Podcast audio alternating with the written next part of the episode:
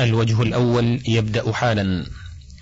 هذا هو الشريط الثامن والخمسون من كتاب زاد المعاد في هدي خير العباد وهو مسجل في استديوهات الأمانة العامة للتربية الخاصة بوزارة المعارف على شريط من فئة تسعين دقيقة. نواصل القراءة في حكمه صلى الله عليه وسلم في العدد. فالمراتب ثلاث إحداها أن ترتفع ليأس معلوم متيقن بأن تنقطع عاما بعد عام ويتكرر انقطاعه أعواما متتابعة ثم يطلق بعد ذلك فهذه تتربص ثلاثة أشهر بنص القرآن سواء كانت بنت أربعين أو أقل أو أكثر وهي أولى بالتربص بثلاثة أشهر من التي حكم فيها الصحابة والجمهور بتربصها تسعة أشهر ثم ثلاثة. فإن تلك كانت تحيض وطلقت وهي حائض ثم ارتفع حيضها بعد طلاقها لا تدري ما رفعه. فإذا حكم فيها بحكم الآيسات بعد انقضاء غالب مدة الحمل فكيف بهذه؟ ولهذا قال القاضي إسماعيل في أحكام القرآن إذا كان الله سبحانه قد ذكر اليأس مع الريبة فقال تعالى واللائي يئسن من المحيض من نسائكم إن ارتبتم فعدتهن ثلاثة أشهر. ثم جاء عن عمر بن الخطاب رضي الله عنه لفظ موافق لظاهر القرآن لأنه قال أيما امرأة طلقت فحاضت حيضة أو حيضتين ثم ارتفعت حيضتها لا تدري ما رفعها فإنها تنتظر تسعة أشهر ثم تعتد ثلاثة أشهر. فلما كانت لا تدري ما الذي رفع الحيضة كان موضع الارتياب فحكم فيها بهذا الحكم. وكان اتباع ذلك ألزم وأولى من قول من يقول إن الرجل يطلق امرأته تطليقة أو تطليقتين فيرتفع حيضها وهي شابة أنها تبقى ثلاثين سنة معتدة وإن جاءت بولد لأكثر من سنتين لم يلزمه. فخالف ما كان من إجماع المسلمين الذين مضوا لأنهم كانوا مجمعين على أن الولد يلحق بالأب ما دامت المرأة في عدتها. فكيف يجوز أن يقول قائل إن الرجل يطلق امرأته تطليقة أو تطليقتين ويكون بينها وبين زوجها أحكام الزوجات ما دامت في عدتها من الموارثة وغيرها فإن جاءت بولد لم يلحقه. وظاهر عدة الطلاق أنها جعلت من الدخول الذي يكون منه الولد فكيف تكون المرأة معتدة والولد لا يلزم؟ قلت هذا إلزام منه لأبي حنيفة فإن عنده أقصر مدة الحمل سنتان والمرتابة في أثناء عدتها لا تزال في عدة حتى تبلغ سن الإياس فتعتد به. وهو يلزم الشافعي في قوله الجديد سواء إلا أن مدة الحمل عنده أربع سنين فإذا جاءت به بعدها لم يلحق وهي في عدتها منه. قال القاضي إسماعيل واليأس يكون بعضه أكثر من بعض وكذلك القنوط وكذلك الرجاء وكذلك الظن ومثل هذا يتسع الكلام فيه فإذا قيل منه شيء أنزل على قدر ما يظهر من المعنى فيه. فمن ذلك أن الإنسان يقول قد يئست من مريضي إذا كان الأغلب عنده أنه لا يبرأ ويئست من غائبي إذا كان الأغلب عنده أنه لا يقدم. ولو قال إذا مات غائبه أو مات مريضه قد يئست منه لكان الكلام عند الناس على غير وجهه إلا أن يتبين معنى ما قصد له في كلامه.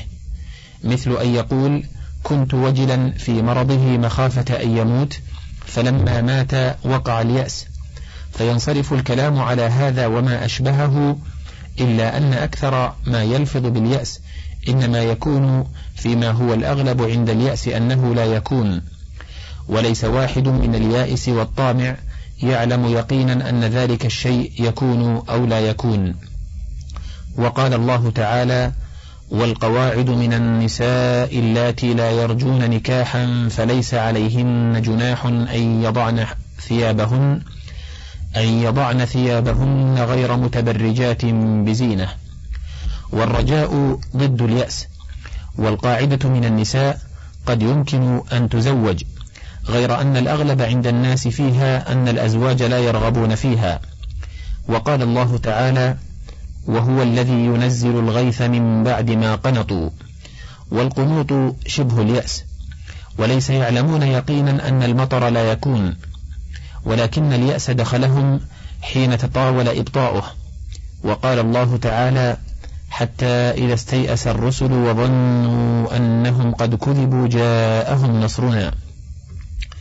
فلما ذكر أن الرسل هم الذين استيأسوا كان فيه دليل على أنهم دخل قلوبهم يأس من غير يقين استيقنوه لأن اليقين في ذلك إنما يأتيهم من عند الله كما قال في قصة نوح وأوحي إلى نوح أنه لن يؤمن من قومك إلا من قد آمن فلا تبتئس بما كانوا يفعلون.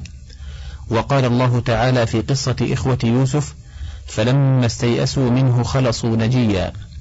فدل الظاهر على أن يأسهم ليس بيقين وقد حدثنا ابن أبي أويس حدثنا مالك عن هشام بن عروة عن أبيه أن عمر بن الخطاب رضي الله عنه كان يقول في خطبته تعلمون أيها الناس أن الطمع فقر وأن اليأس غنى وأن المرء إذا يئس من شيء استغنى عنه فجعل عمر اليأس بإزاء الطمع. وسمعت أحمد بن المعدل ينشد شعرا لرجل من القدماء يصف ناقة. صفراء من تلد. بني العباس صيرتها كالظبي في الكناس.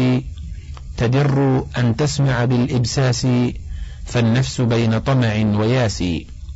فجعل الطمع بإزاء اليأس. وحدثنا سليمان بن حرب. حدثنا جرير بن حازم عن الأعمش عن سلام بن شرحبيل. قال سمع حبة بن خالد وسواء بن خالد. أنهما أتيا النبي صلى الله عليه وسلم. قال علمنا شيئا. ثم قال لا تيأسا من الخير ما تهزهزت رؤوسكما. فإن كل عبد يولد أحمر ليس عليه قشرة ثم يرزقه الله ويعطيه. وحدثنا علي بن عبد الله حدثنا ابن عيينة قال قال هشام بن عبد الملك لأبي حازم يا أبا حازم ما مالك؟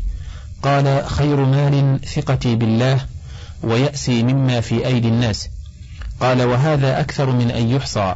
انتهى.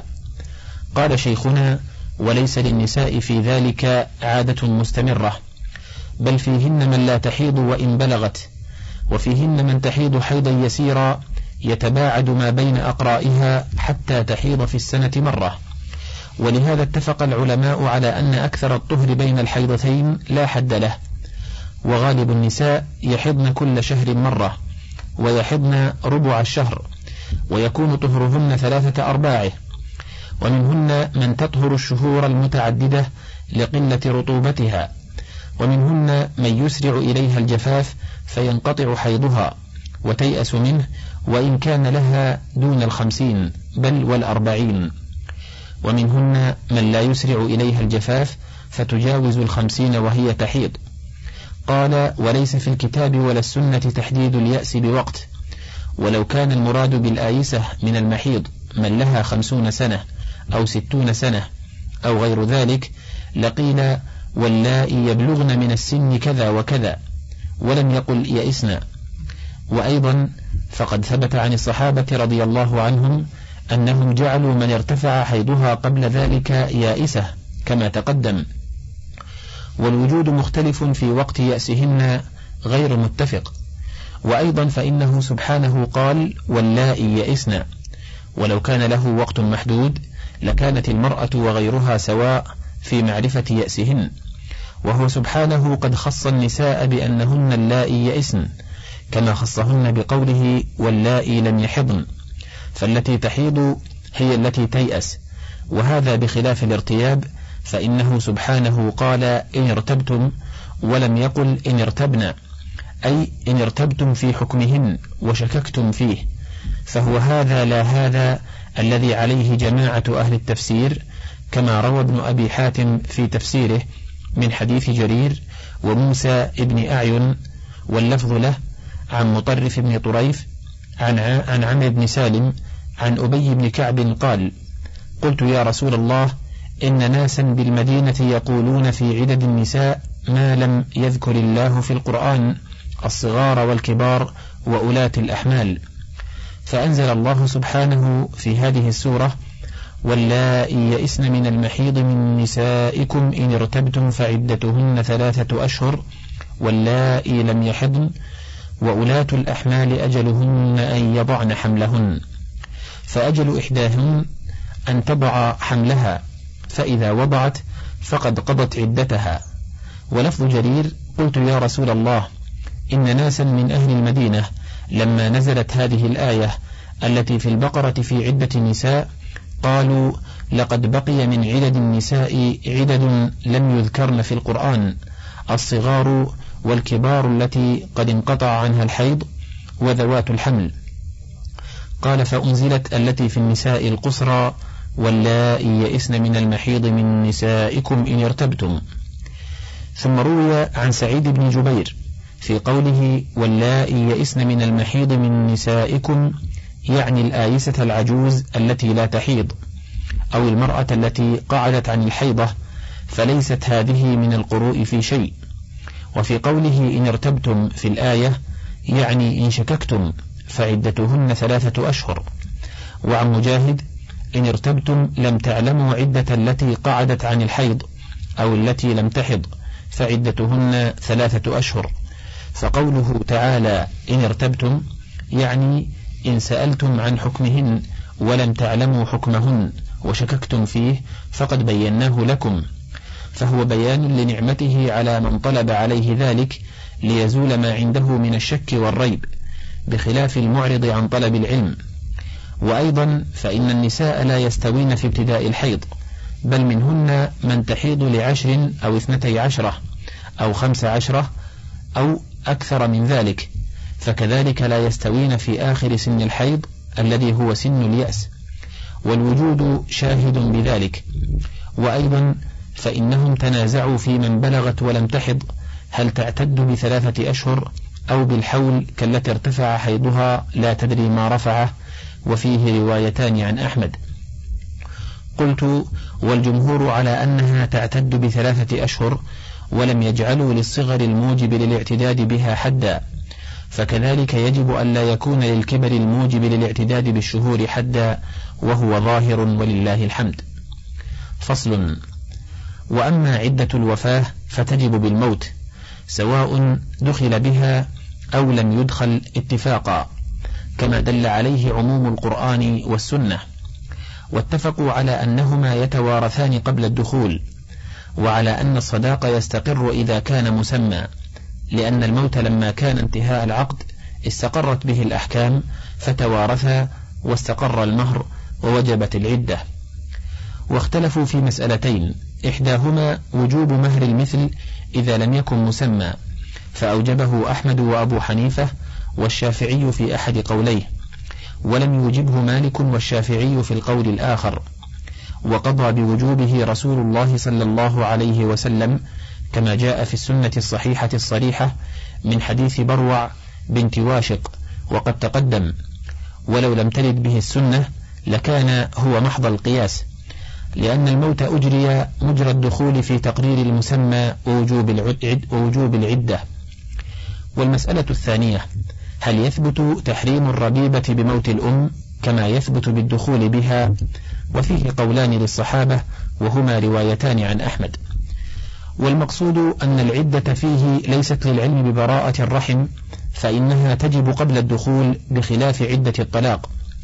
وقد اضطرب الناس في حكمة عدة الوفاة وغيرها فقيل هي لبراءة الرحم وأورد على هذا القول وجوه كثيرة. منها وجوبها قبل الدخول في الوفاة ومنها أنها ثلاثة قروء وبراءة الرحم يكفي فيها حيضة كما في المستبرأة ومنها وجوب ثلاثة أشهر في حق من يقطع ببراءة رحمها لصغرها أو كبرها. ومن الناس من يقول هو تعبد لا يعقل معناه وهذا فاسد لوجهين أحدهما أنه ليس في الشريعة حكم إلا وله حكمة وإن لم يعقلها كثير من الناس أو أكثرهم.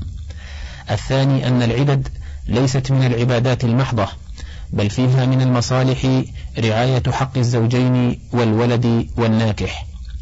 قال شيخنا والصواب أن يقال أما عدة الوفاة فهي حرم لانقضاء النكاح ورعاية الحق لحق الزوج ولهذا تحد المتوفى عنها في عدة الوفاة رعاية لحق الزوج. فجعلت العدة حريما لحق هذا العقد الذي له خطر وشأن. فيحصل بهذه فصل بين نكاح الأول ونكاح الثاني. ولا يتصل الناكحان. ألا ترى أن رسول الله صلى الله عليه وسلم لما عظم, لما عظم حقه حرم نساؤه بعده. وبهذا اختص الرسول صلى الله عليه وسلم لأن أزواجه في الدنيا هن أزواجه في الآخرة بخلاف غيره. فإنه لو حرم على المرأة أن تتزوج بغير زوجها تبررت المتوفى عنها. وربما كان الثاني خيرا لها من الأول. ولكن لو تأيمت على أولاد الأول لكانت محمودة على ذلك. مستحبا لها. وفي الحديث أنا وامرأة سفعاء الخدين كهاتين يوم القيامة وأومأ بالوسطى والسبابة. امرأة آمت من زوجها ذات منصب وجمال وحبست نفسها على يتامى لها حتى بانوا أو ماتوا. وإذا كان المقتضي لتحريمها قائما فلا أقل من مدة تربصها. وقد كانت في الجاهلية تتربص سنة فخففها الله سبحانه بأربعة أشهر وعشر. وقيل لسعيد بن المسيب ما بال العشر؟ قال فيها ينفخ الروح فيحصل بهذه المدة براءة الرحم حيث يحتاج إليه وقضاء حق الزوج إذا لم يحتج إلى ذلك. فصل. وأما عدة الطلاق فهي التي أشكلت فإنه لا يمكن تعليلها بذلك لأنها إنما تجب بعد المسيس ولأن الطلاق قطع للنكاح ولهذا يتنصف فيه المسمى ويسقط فيه مهر المثل.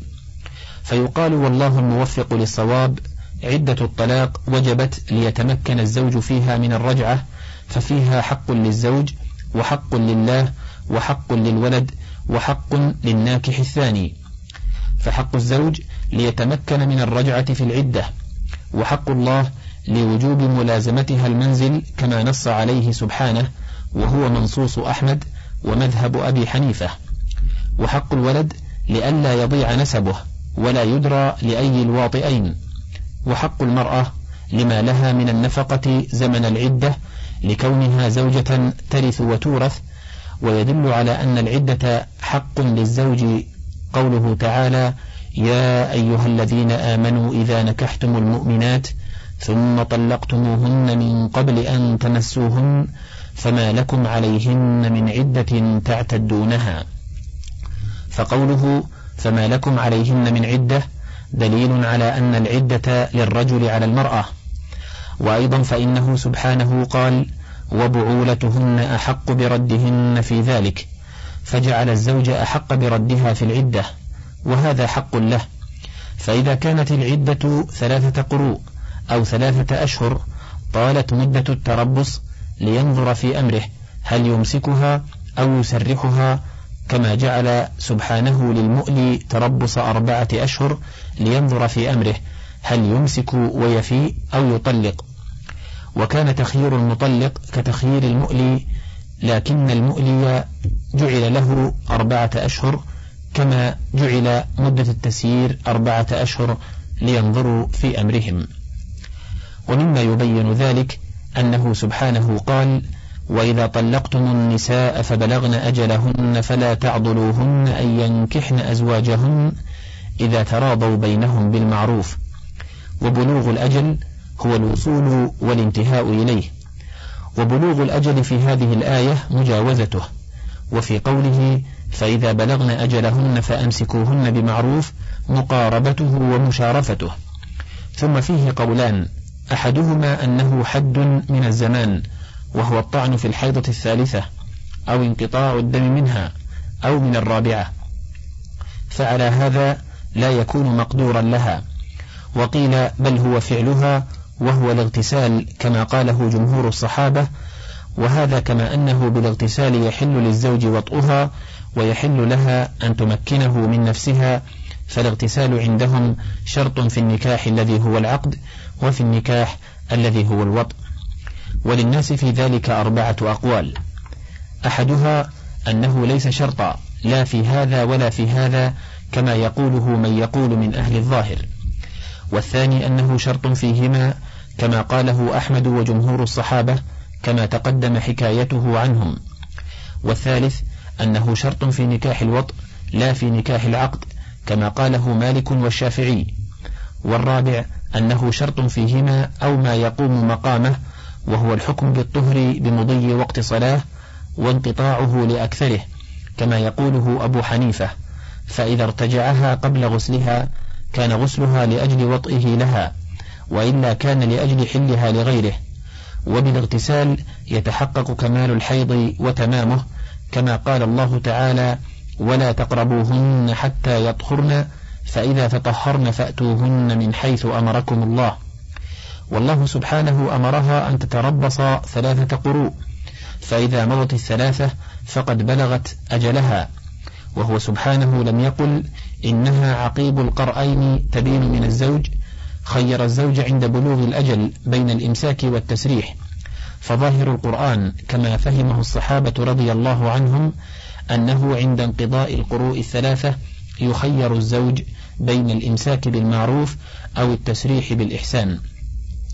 وعلى هذا فيكون بلوغ الأجل في القرآن واحدا لا يكون قسمين بل يكون باستيفاء المدة واستكمالها. وهذا كقوله تعالى إخبارا عن أهل النار وبلغنا أجلنا الذي أجلت لنا وقوله فإذا بلغن أجلهن فلا جناح عليكم فيما فعلن في أنفسهن بالمعروف وإنما حمل من قال إن بلوغ الأجل هو مقارنته أنها بعد أن تحل للخطاب لا يبقى الزوج أحق برجعتها وإنما يكون أحق بها ما لم تحل لغيره فإذا حل لغيره أن يتزوج بها صار هو خاطبا من الخطاب. ومنشأ هذا ظن أنها ببلوغ الأجل تحل لغيره والقرآن لم يدل على هذا بل القرآن جعل عليها أن تتربص ثلاثة قروء وذكر أنها إذا بلغت أجلها فإما أن تمسك بمعروف وإما أن تسرح بإحسان. وقد ذكر سبحانه هذا الإمساك أو التسريح عقيب الطلاق فقال الطلاق مرتان فإمساك بمعروف أو تسريح بإحسان. ثم قال وإذا طلقتم النساء فبلغن أجلهن فلا تعضلوهن أن ينكحن أزواجهن. وهذا هو تزوجها بزوجها الأول المطلق الذي كان أحق بها فالنهي عن عضلهن مؤكد لحق الزوج وليس في القرآن أنها بعد بلوغ الأجل تحل للخطاب بل فيه أنه في هذه الحال إما أن يمسك بمعروف أو يسرح بإحسان فإن سرح بإحسان حلت حينئذ للخطاب وعلى هذا فدلالة القرآن بينة أنها إذا بلغت أجلها وهو انقضاء ثلاثة قروء من قطاع الدم فإما أن يمسكها قبل أن تغتسل فتغتسل عنده وإما أن يسرحها فتغتسل وتنكح من شاءت. وبهذا يعرف قدر فهم الصحابة رضي الله عنهم وأن من بعدهم إنما يكون غاية اجتهاده أن يفهم ما فهم فهموه ويعرف ما قالوه. فإن قيل فإذا كان له أن يرتجعها في جميع هذه المدة ما لم تغتسل. فلم قيل التخيير ببلوغ الأجل؟ قيل ليتبين أنها في مدة العدة كانت متربصة لأجل حق الزوج والتربص الانتظار وكانت منتظرة هل يمسكها أو يسرحها؟ وهذا التخيير ثابت له من أول المدة إلى آخرها كما خير المؤلي بين الفيئة وعدم الطلاق. وهنا لما خيره عند بلوغ الأجل كان تخييره قبله أولى وأحرى. لكن التسريح بإحسان إنما يمكن إذا بلغت الأجل وقبل ذلك هي في العدة. وقد قيل إن تسريحها بإحسان مؤثر فيها حين تنقضي العدة. ولكن ظاهر القرآن يدل على خلاف ذلك فإنه سبحانه جعل التسريح بإحسان عند بلوغ الأجل. ومعلوم أن هذا الترك ثابت من أول المدة فالصواب أن التسريح إرسالها إلى أهلها بعد بلوغ الأجل ورفع يده عنها فإنه كان يملك حبسها مدة العدة فإذا بلغت أجلها فحينئذ إن أمسكها كان له حبسها وإن لم يمسكها كان عليه أن يسرحها بإحسان. ويدل على هذا قوله تعالى في المطلقة قبل المسيس فما لكم عليهن من عدة تعتدونها فمتعوهن وسرحوهن سراحا جميلا. فأمر بسراح الجميل ولا عدة فعلم أن تخلية سبيلها إرسالها. كما يقال سرح الماء والناقة إذا مكنها من الذهاب. وبهذا الإطلاق والسراح يكون قد تم تطليقها وتخليتها. وقبل ذلك لم يكن الإطلاق تاما. وقبل ذلك كان له أن يمسكها وأن يسرحها وكان مع كونه مطلقا قد جعل أحق بها من غيره مدة التربص وجعل التربص ثلاثة قروء لأجله ويؤيد هذا أشياء. أحدها أن الشارع جعل عدة المختلعة حيضة كما ثبتت به السنة وأقر به عثمان بن عفان وابن عباس وابن عمر رضي الله عنهم وحكاه أبو جعفر النحاس في ناسخه ومنسوخه إجماع الصحابة وهو مذهب إسحاق وأحمد بن حنبل في أصح الروايتين عنه دليلا كما سيأتي تقرير المسألة عن قرب إن شاء الله تعالى. فلما لم يكن على المختلعة رجعة لم يكن عليها عدة بل استبراء بحيضة لأنها لما افتدت منه وبانت ملكت نفسها فلم يكن أحق بإمساكها. فلا معنى لتطويل العدة عليها بل المقصود العلم ببراءة رحمها فيكفي مجرد الاستبراء. والثاني أن المهاجرة من دار الحرب قد جاءت السنة بأنها إنما تستبرأ بحيضة ثم تزوج كما سيأتي. الثالث أن الله سبحانه لم يشرع لها طلاقا بائنا بعد الدخول إلا الثالثة وكل طلاق في القرآن سواها فرجعي. وهو سبحانه إنما ذكر القروء الثلاثة في هذا الطلاق الذي شرعه لهذه الحكمة. وأما المفتدية فليس افتداؤها طلاقا بل خلعا غير محسوب من الثلاث والمشروع فيه حيضة. فإن قيل فهذا ينتقض عليكم بصورتين.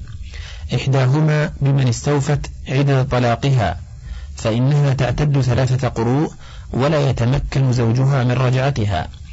الثانية بالمخيرة إذا عتقت تحت حر أو عبد فإن عدتها ثلاثة قروء بالسنة. كما في السنن من حديث عائشة رضي الله عنها أمرت بريرة أن تعتد عدة الحرة. وفي سنن ابن ماجه أمرت أن تعتد ثلاث حيض ولا رجعة لزوجها عليها. فالجواب أن الطلاق المحرم للزوجة لا يجب فيه التربص لأجل رجعة الزوج بل جعل حريما للنكاح وعقوبة للزوج بتطويل مدة تحريمها عليه. فإنه لو سوغ لها أن تتزوج بعد مجرد الاستبراء بحيضة لأمكن أن يتزوجها الثاني ويطلقها بسرعة إما على قصد التحليل أو بدونه. فكان تيسير عودها إلى المطلق والشارع حرمها عليه بعد الثالثة عقوبة له لأن الطلاق الذي أبغض الحلال إلى الله إنما أباح منه قدر الحاجة وهو الثلاث. وحرم المرأة بعد الثالثة حتى تنكح زوجا غيره. وكان من تمام الحكمة أنها لا تنكح حتى تتربص ثلاثة قروء. وهذا لا ضرر عليها به فإنها في كل مرة من الطلاق لا تنكح حتى تتربص ثلاثة قروء. فكان التربص هنا نظرا في مصلحته لما لم يوقع الثلاث المحرمة. وهنا التربص بالثلاث من تمام عقوبته فإنه عوقب بثلاثة أشياء. أن حرمت عليه حبيبته وجعل تربصها ثلاثة قروء ولم يجز أن تعود إليه حتى يحظى بها غيره حظوة الزوج الراغب بزوجته المرغوب فيها. وفي كل من ذلك عقوبة مؤلمة على إيقاع البغيض إلى الله المكروه له. فإذا علم أنه بعد الثالثة لا تحل له إلا بعد تربص وتزوج بزوج آخر وأن الأمر بيد ذلك الزوج ولا بد أن تذوق عسيلته ويذوق عسيلتها. علم أن المقصود أن ييأس منها فلا تعود إليه إلا باختيارها لا باختياره. ومعلوم أن الزوج الثاني إذا كان قد نكح نكاح رغبة وهو النكاح الذي شرعه الله لعباده وجعله سببا لمصالحهم في المعاش والمعاد وسببا لحصول الرحمة والوداد فإنه لا يطلقها لأجل الأول بل يمسك امرأته فلا يصير لأحد من الناس اختيار في عودها إليه. فإذا اتفق فراق الثاني لها بموت أو طلاق كما يفترق الزوجان اللذان هما زوجان أبيح للمطلق الأول نكاحها كما يباح للرجل نكاح مطلقة الرجل ابتداء وهذا أمر لم يحرمه الله سبحانه في الشريعة الكاملة المهيمنة على جميع الشرائع بخلاف الشريعتين قبلنا. فإنه في شريعة التوراة قد قيل إنه متى تزوجت بزوج آخر لم تحل للأول أبدا. وفي شريعة الإنجيل قد قيل إنه ليس له أن يطلقها البتة. فجاءت هذه الشريعة الكاملة الفاضلة على أكمل الوجوه وأحسنها وأصلحها للخلق. ولهذا لما كان التحليل مباينا للشرائع كلها والعقل والفطرة ثبت عن النبي صلى الله عليه وسلم لعن المحلل والمحلل له ولعنه صلى الله عليه وسلم لهما إما خبر عن الله تعالى بوقوع لعنته عليهما أو دعاء عليهما باللعنة وهذا يدل على تحريمه وأنه من الكبائر. والمقصود أن إيجاب القروء الثلاث في هذا الطلاق من تمام تأكيد تحريمها على الأول على أنه ليس في المسألة إجماع. فذهب ابن اللبان الفرضي صاحب الإيجاز وغيره إلى أن المطلقة ثلاثا ليس عليها غير استبراء بحيضة ذكره عنه أبو الحسين ابن القاضي أبي يعلى فقال مسألة إذا طلق الرجل امرأته ثلاثا بعد الدخول فعدتها ثلاثة أقراء إن كانت من ذوات الأقراء. وقال ابن لبان عليها الاستبراء بحيضة. دليلنا قوله تعالى والمطلقات يتربصن بأنفسهن ثلاثة قروء. ولم يقف شيخ الإسلام على هذا القول وعلق تسويغه على ثبوت الخلاف. فقال إن كان فيه نزاع كان القول بأنه ليس عليها ولا على المعتقة المخيرة إلا الاستبراء قولا متوجها. ثم قال ولازم هذا القول أن الآيسة لا تحتاج إلى عدة بعد الطلقة الثالثة. قال وهذا لا نعلم أحدا قاله. وقد ذكر الخلاف أبو الحسين فقال مسألة إذا طلق الرجل زوجته ثلاثا وكانت ممن لا تحيض لصغر أو هرم فعدتها ثلاثة أشهر خلافا لابن اللبان أنه لا عدة عليها. دليلنا قوله تعالى واللائي يئسن من المحيض من نسائكم إن ارتبتم فعدتهن ثلاثة أشهر واللائي لم يحضن قال شيخنا وإذا مضت السنة بأن على هذه ثلاثة أقراء لم يجز مخالفتها ولو لم يجمع عليها فكيف إذا كان مع السنة إجماع؟ قال وقوله صلى الله عليه وسلم لفاطمة بنت قيس اعتدي قد فهم منه العلماء أنها تعتد ثلاثة قروء فإن الاستبراء قد يسمى عدة. قلت كما في حديث أبي سعيد في سبايا أوطاس أنه فسر قوله تعالى والمحصنات من النساء بالسبايا ثم قال أي فهن لكم حلال إذا انقضت عدتهن. فجعل الاستبراء عدة. قال فأما حديث عائشة رضي الله عنها أمرت بريرة أن تعتد ثلاث حيض فحديث منكر. فإن مذهب عائشة رضي الله عنها أن الأقراء الأطهار. قلت ومن جعل أن عدة المختلعة حيضة فبطريق الأولى تكون عدة الفسوخ كلها عنده حيضة. لأن الخلع الذي هو شقيق الطلاق وأشبه به لا يجب فيه الاعتداد عنده بثلاثة قروء فالفسخ أولى وأحرى من وجوه. أحدها أن كثيرا من الفقهاء يجعل الخلع طلاقا ينقص به عدده بخلاف الفسخ لرضاع ونحوه. الثاني أن أبا ثور وموافقه يقولون إن الزوج إذا رد العوض ورضيت المرأة برده وراجعها فلهما ذلك بخلاف الفسخ. الثالث أن الخلع يمكن فيه رجوع المرأة إلى زوجها في عدتها بعقد جديد بخلاف الفسخ لرضاع أو عدد أو محرمية حيث لا يمكن عودها إليه. فهذه بطريق الأولى يكفيه استبراء بحيضة ويكون المقصود مجرد العلم ببراءة رحمها كالمسبية والمهاجرة والمختلعة والزانية على أصح القولين فيهما دليلا وهما روايتان عن أحمد. فصل ومما يبين الفرق بين عدة الرجعية والبائن أن عدة الرجعية لأجل الزوج وللمرأة فيها النفقة والسكنى باتفاق المسلمين ولكن سكناها هل هي كسكن الزوجة فيجوز أن ينقلها المطلق حيث شاء أم يتعين عليها المنزل فلا تخرج ولا تخرج؟ فيه قولان وهذا الثاني هو المنصوص عن أحمد وأبي حنيفة وعليه يدل القرآن. والأول قول الشافعي وهو قول بعض أصحاب أحمد. والصواب ما جاء به القرآن فإن سكن الرجعية من جنس سكن المتوفى عنها ولو تراضيا بإسقاطها لم يجز.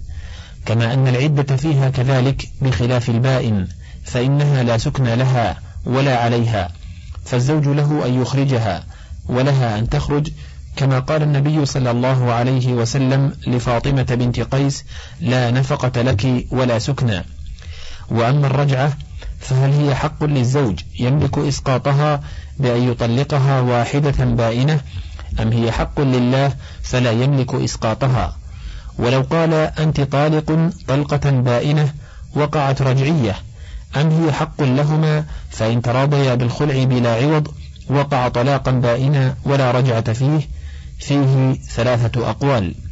فالأول مذهب أبي حنيفة وإحدى الروايات عن أحمد والثاني مذهب الشافعي والرواية الثانية عن أحمد والثالث مذهب مالك والرواية الثالثة عن أحمد. والصواب أن الرجعة حق لله تعالى ليس لهما أن يتفقا على إسقاطها وليس له أن يطلقها طلقة بائنة ولو رضيت الزوجة كما أنه ليس لهما أن يتراضيا بفسخ النكاح بلا عوض بالاتفاق. فإن قيل فكيف يجوز الخلع بغير عوض في أحد القولين في مذهب مالك وأحمد؟ وهل هذا إلا اتفاق من الزوجين على فسخ النكاح بغير عوض؟ قيل إنما يجوز أحمد في إحدى الروايتين الخلع بلا عوض إذا كان طلاقا. فأما إذا كان فسخا فلا يجوز بالاتفاق. قاله شيخنا رحمه الله. قال ولو جاز هذا لجاز أن يتفق على أن يبينها مرة بعد مرة من غير أن ينقص عدد الطلاق. ويكون المرء إليهما إذا أراد أن يجعل الفرقة بين الثلاث جعلاها وإن أراد لم يجعلاها من الثلاث. ويلزم من هذا إذا قالت فادني بلا طلاق أن يبينها بلا طلاق. ويكون مخيرا إذا سألته إن شاء أن يجعله رجعيا وإن شاء أن يجعله بائنا وهذا ممتنع.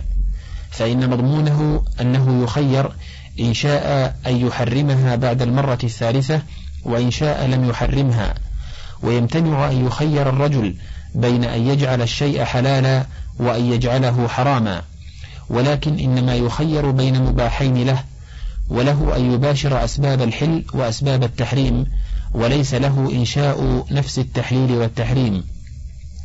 والله سبحانه إنما شرع له الطلاق واحدة بعد واحدة ولم يشرع له إيقاعه مرة واحدة لئلا يندم وتزول نزغة الشيطان التي حملته على الطلاق فتتبع نفسه المرأة فلا يجد إليها سبيلا.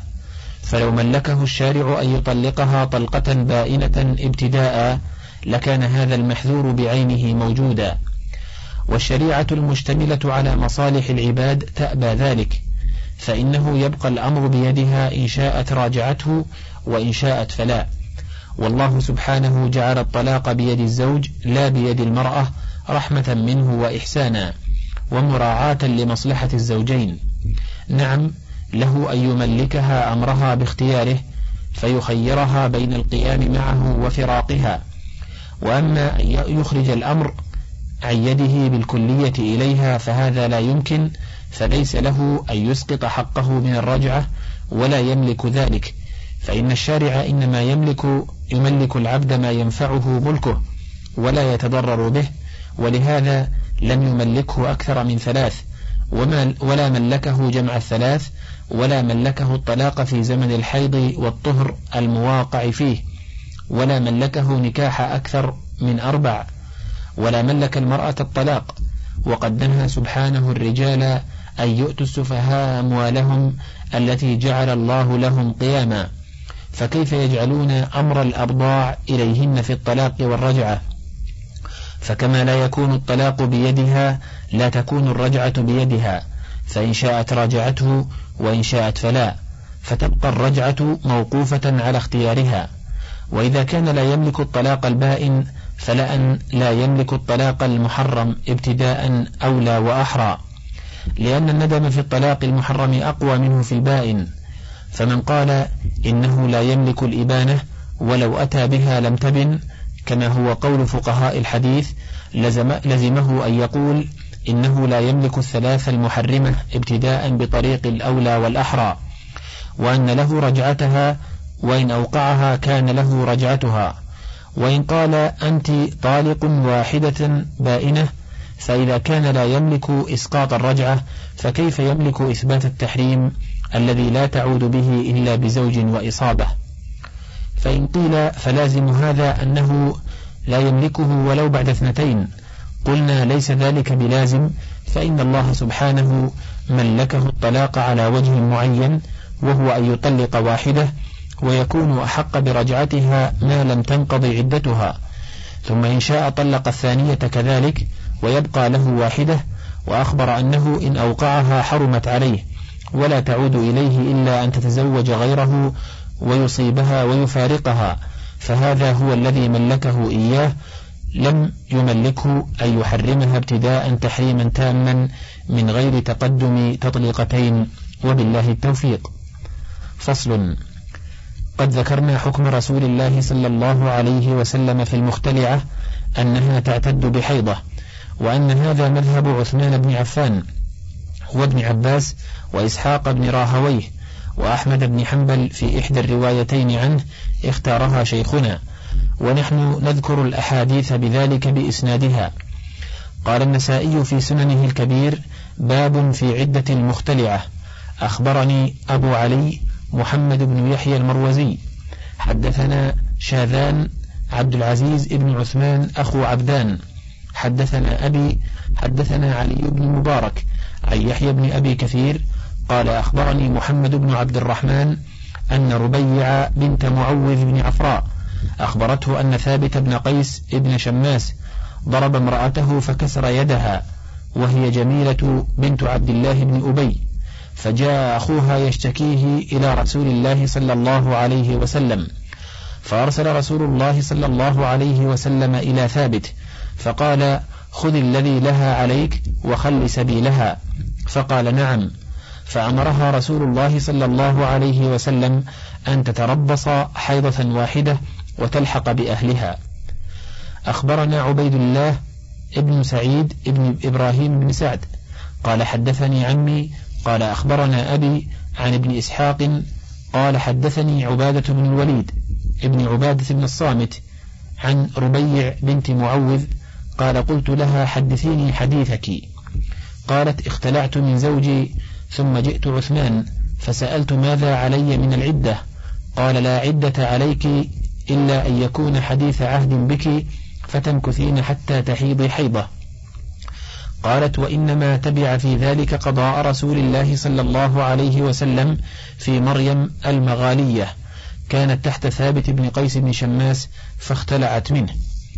وروى عكرمة عن ابن عباس رضي الله عنه أن امرأة ثابت بن قيس اختلعت منه فجعل رسول الله صلى الله عليه وسلم عدتها حيضة.